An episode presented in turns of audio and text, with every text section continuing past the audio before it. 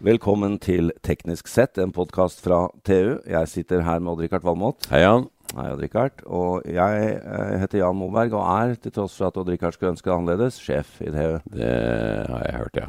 Mange, mange ganger. Men Odd-Rikard, vi, eh, vi er jo ikke hjemme i dag. Nei, vi er ikke det. Vi, Ikke i dag, har, heller. eh, vi har et par dager nå vært på Arctic Drone Event 2018 Ja. På, I Longyearbyen. i Longyearbyen. ja. Ja, Og eh, nå sitter vi på et hotellrom og skal lage en podkast. det gjør vi. Egentlig på mine gamle tomter, da. Ja, Som vi har vært inne på før. Og- jeg har jeg jobba en vinter. og jeg tenker jo da uh, kombinasjonen av Longyearbyen, Svalbard Altså favoritt, et av favorittstedene dine, kombinert med et av favorittområdene, droner og droneteknologi. Det blir ikke bedre enn det. Og når vi ser ut av vinduet her, ser på den utsikten. Det Ja. fantastiske været og fjellet og naturen er spektakulært, altså. Det er det har vært flott. Ja, det er jo nesten så vi glemmer at vi har med oss en gjest. Ja, ja. du vil kanskje introdusere gjesten? Vi, eh, vi har jo eh, hørt mye om droner og systemer eh, siste døgn, Odd Rikard. Og en av de som holdt foredrag, han sugde jo du tak i, så vi Mm. måtte få noen ord ut av en podkast. Og det er rett og slett styreleder i Maritime Robotics, Geir Olav Kjøsnes. Velkommen. Takk for det. Eh, du skjønner at vi er litt gira nå. Dette her eh, treffer våre teknologiske eh, tentakler. Ingen tvil om det. Nei. Og så er- en trønder òg, vet du. Jan. Det er så, det er så ikke bedre enn det. Nå er du i mindretall, altså. En drammenser blant to trøndere på Svalbard. Ja. nei, det, er ikke, det er ikke lett. Det er ikke lett for deg i dag. Men vi er nødt til å ta bare to ord om Maritime Robotics, fordi her treffer du jo uh, i hvert fall et av mine favorittemaer, nemlig Mm. Eh, en relativt ung norsk bedrift, teknologibedrift som har uh, vokst seg relativt stor og har gjort det organisk. Uh, Over norsk- kort tid. Over kort tid, med Ja. eksport og greier og greier. Kan du ikke fortelle litt om historien først? Når ble dette etablert? Det ble etablert i Trondheim i 2005 av, av Vegard Evjen Hovstein. Eh, og har, som du sier, da, vokst seg sakte, men sikkert eh, opp til en par og 20 ansatte som vi er i dag. Da. Og med en omsetning på ca. 25 millioner i, i fjor. Så, så det har vært en fin og, eh, og, og en bærekraftig utvikling i, i firmaet. Det, det som våre lyttere ikke får uh, samme glede av, er jo å høre på foredraget du ga til oss i går. Og jeg må jo si det, Odd Rikard, at her var det mye snadder. Ja, jeg ble veldig imponert. jeg. Eh, og det her er jo en industri som passer Norge godt. Det, det er altså droner, det er hele havområdet. Altså det, er, det ligger godt til for Norge, vi, Ja. og, det, og det vokser. Så Men la oss bare gjøre én ting klart med en gang. At når vi sier droner, så er det jo mange som tenker på at de flyr i lufta, at de flyr i lufta, Ja. gjerne har fire propeller, eller at de bomber Taliban i Afghanistan. ja. Dette, dette flyter stort sett på vannet, og så og, altså, jeg har det litt i lufta også, faktisk. Vi har begge deler, men vi er størst faktisk på det som går på, på vann. da. Ja. Men vi gjør begge deler. ja. Mm. La oss ta en liten gjennomgang, da. fordi at uh, dere har Dere viste jo et konsept i går, nemlig en, uh, en løsning med ballong og line. Det er riktig, en såkalt aerostat.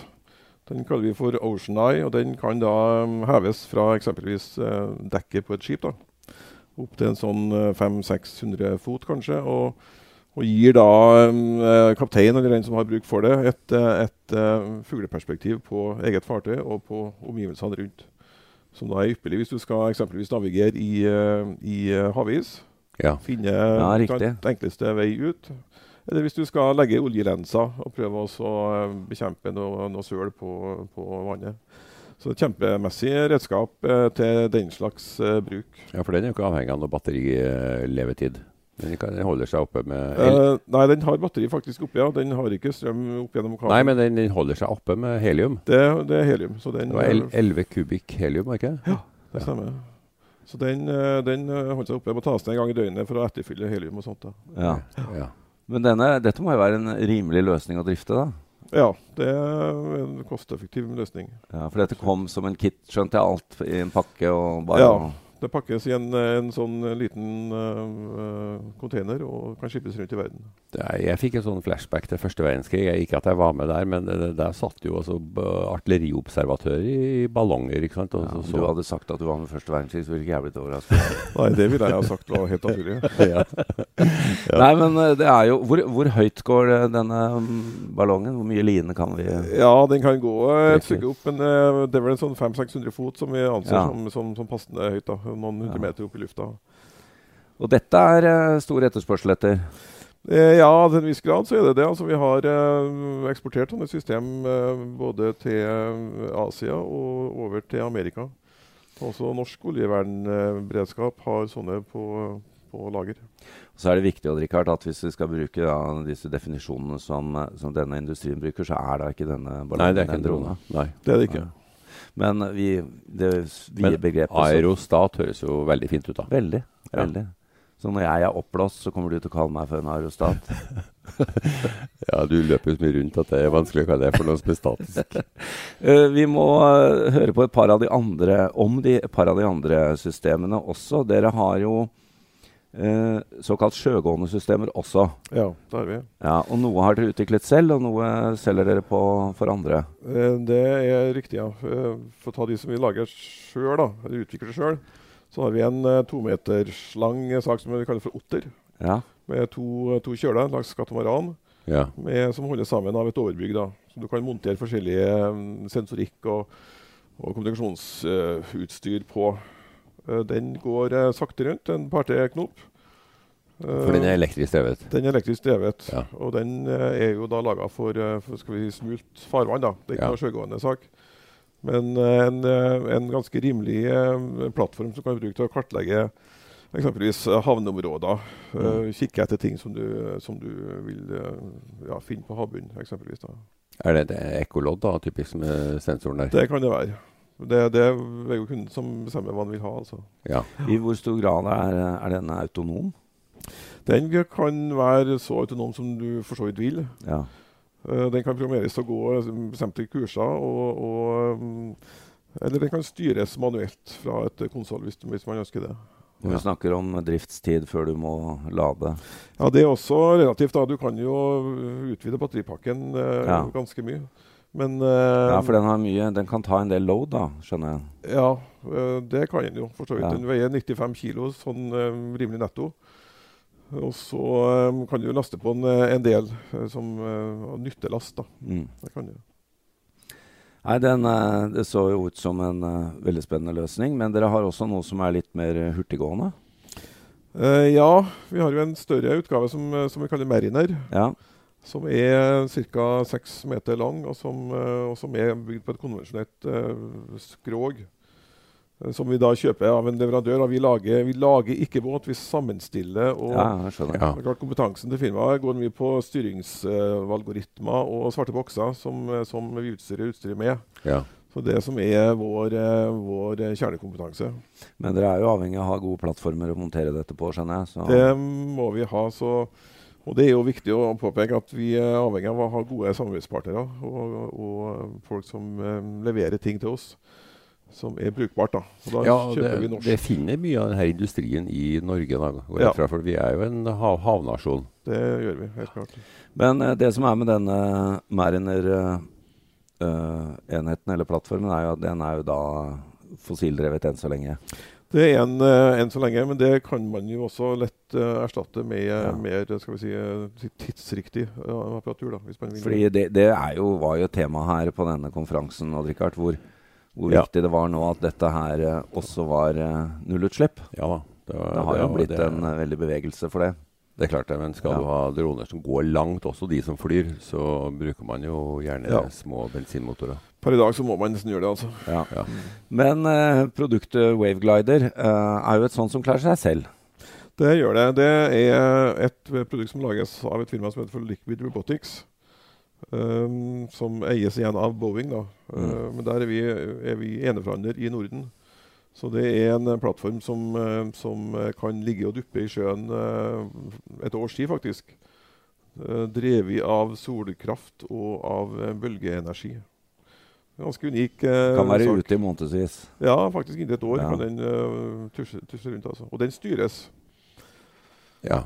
Så den, den, den har, den har altså et, et sånt flap-system som ligger sned, ganske langt ned i vannet. Ligger åtte meter under, så ligger det, ligger det noen sånne slags foiler som da beveger seg med, med sjøen. Og, så, så, og, og da er det forskjellen i bevegelse, Mm. har jeg skjønt. Nå er ikke jeg noe teknisk geni, altså. Men det er forskjellen i bevegelse på overflata og Ja, ja. meter ned som gjør at du får en energiforskjell ja, det som, som du tar ut. Ja, for det her blir jo som en sånn nemlig som en stempelstang, det. Mm. Ja, Som pumpes opp og ned av bølgebevegelser. det kan sikkert uh, sammenlignes med det. ja. Ja.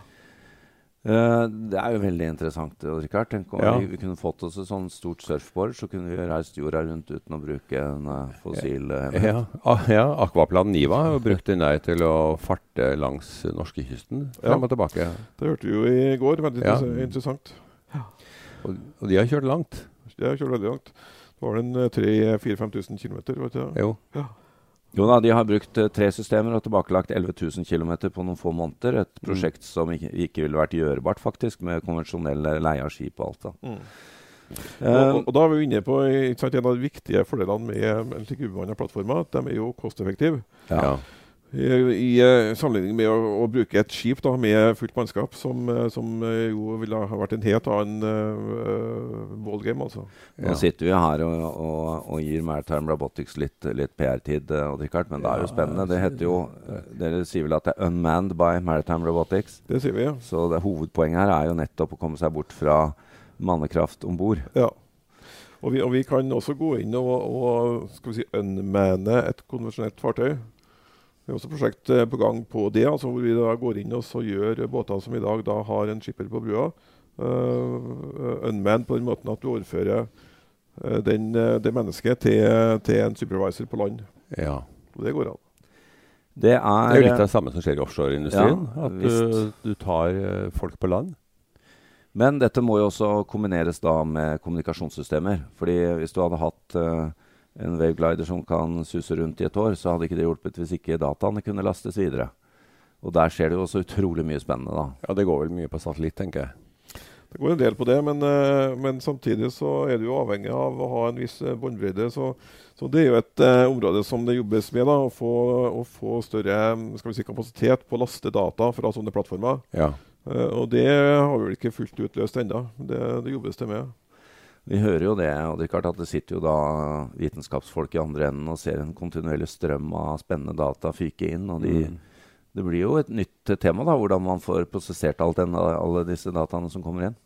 Ja, altså Med nettskyprosessering så tror jeg ikke det er noe problem i dag. Uh, men man skal på en måte finne gullet i alle de dataene Ja. som kommer inn. For det, Ja. har, før, før har vi jo stort sett hatt en stikkprøve her og en stikkprøve der. Nå får vi kontinuerlig lange serier. som er, Det er noe helt nytt. Det er noe helt nytt, og det er det disse systemene som gir oss. Eh, Geir Olav Kjøsnes, vi må avslutningsvis eh, høre litt om hva du tror om utviklingen innen den industrien. Vi sitter jo her og er litt optimister og tenker at her er det gull å finne for norsk industri, og at vi har noen fortrinn som andre nasjoner ikke har. Eh, men du som sitter midt oppe i industrien, hvordan analyserer du det?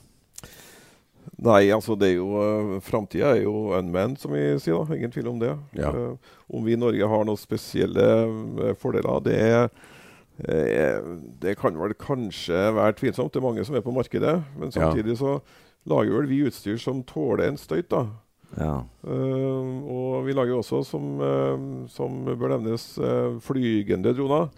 Og vi tror at det som vi eh, utvikler der, er, er vel så bra, i hvert fall i, i, eh, i våre klimaforhold, som det som kommer fra det store utlandet. Ja, for det, det er riktig. Denne PX31, der er det jo stort fokus bl.a. på at den skal varsle om ising. Ja, det er en teknologi som utvikles i, uh, ut fra NTNU i, i Trondheim. Mm. Ising er jo et problem uh, når man kommer litt uh, nordpå og i, i norsk klima. Og og på, på større fly så er det ikke noe vanskelig å lage system for det. Men på lette farkoster, som en sånn flygende drone må være, så er det en utfordring. Og Der er, er vi altså helt i forkant i Norge når det gjelder å, å løse det problemet. Både varsle og fjerne is. Eh, Ja, hovedsaken er for så vidt at man får varsla, og så da kan sette på effekt for å ta vekk isen når den er der. Oh, ja. Så det er lure folk eh, som jobber med det, altså, som mener at de har, eh, har en løsning.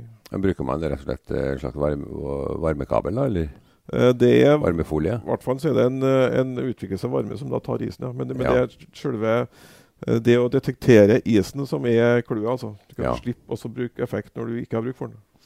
Ja. Nettopp. Dette høres luftig ut. eh, Det gjør det. Det, gjør det. Uh, en ting jeg kunne ønske meg, da, siden jeg er her, er et sånt dronesystem som holdt oversikt over isbjørn. Jeg syns jo det er skummelt å gå rundt i gatene her. Jan har vært veldig nervøs for is, isbjørner. De ser jo utstoppa isbjørner overalt Ja. i butikkene her. Så- Ja, nei, det, det er skummelt. Det er klart eh, det kan brukes eh, altså Droner kan brukes eh, til litt av hvert. Mm. Eh, og vi har jo tro på, på såkalt fixed wing-droner, altså droner med faste vinger. ja. Som da har en helt annen rekkevidde enn de her Energieffektivt, ja. Ja, Mm. og som kan dekke mye større områder eh, på kortere tid enn såkalte multikopter kan, kan da.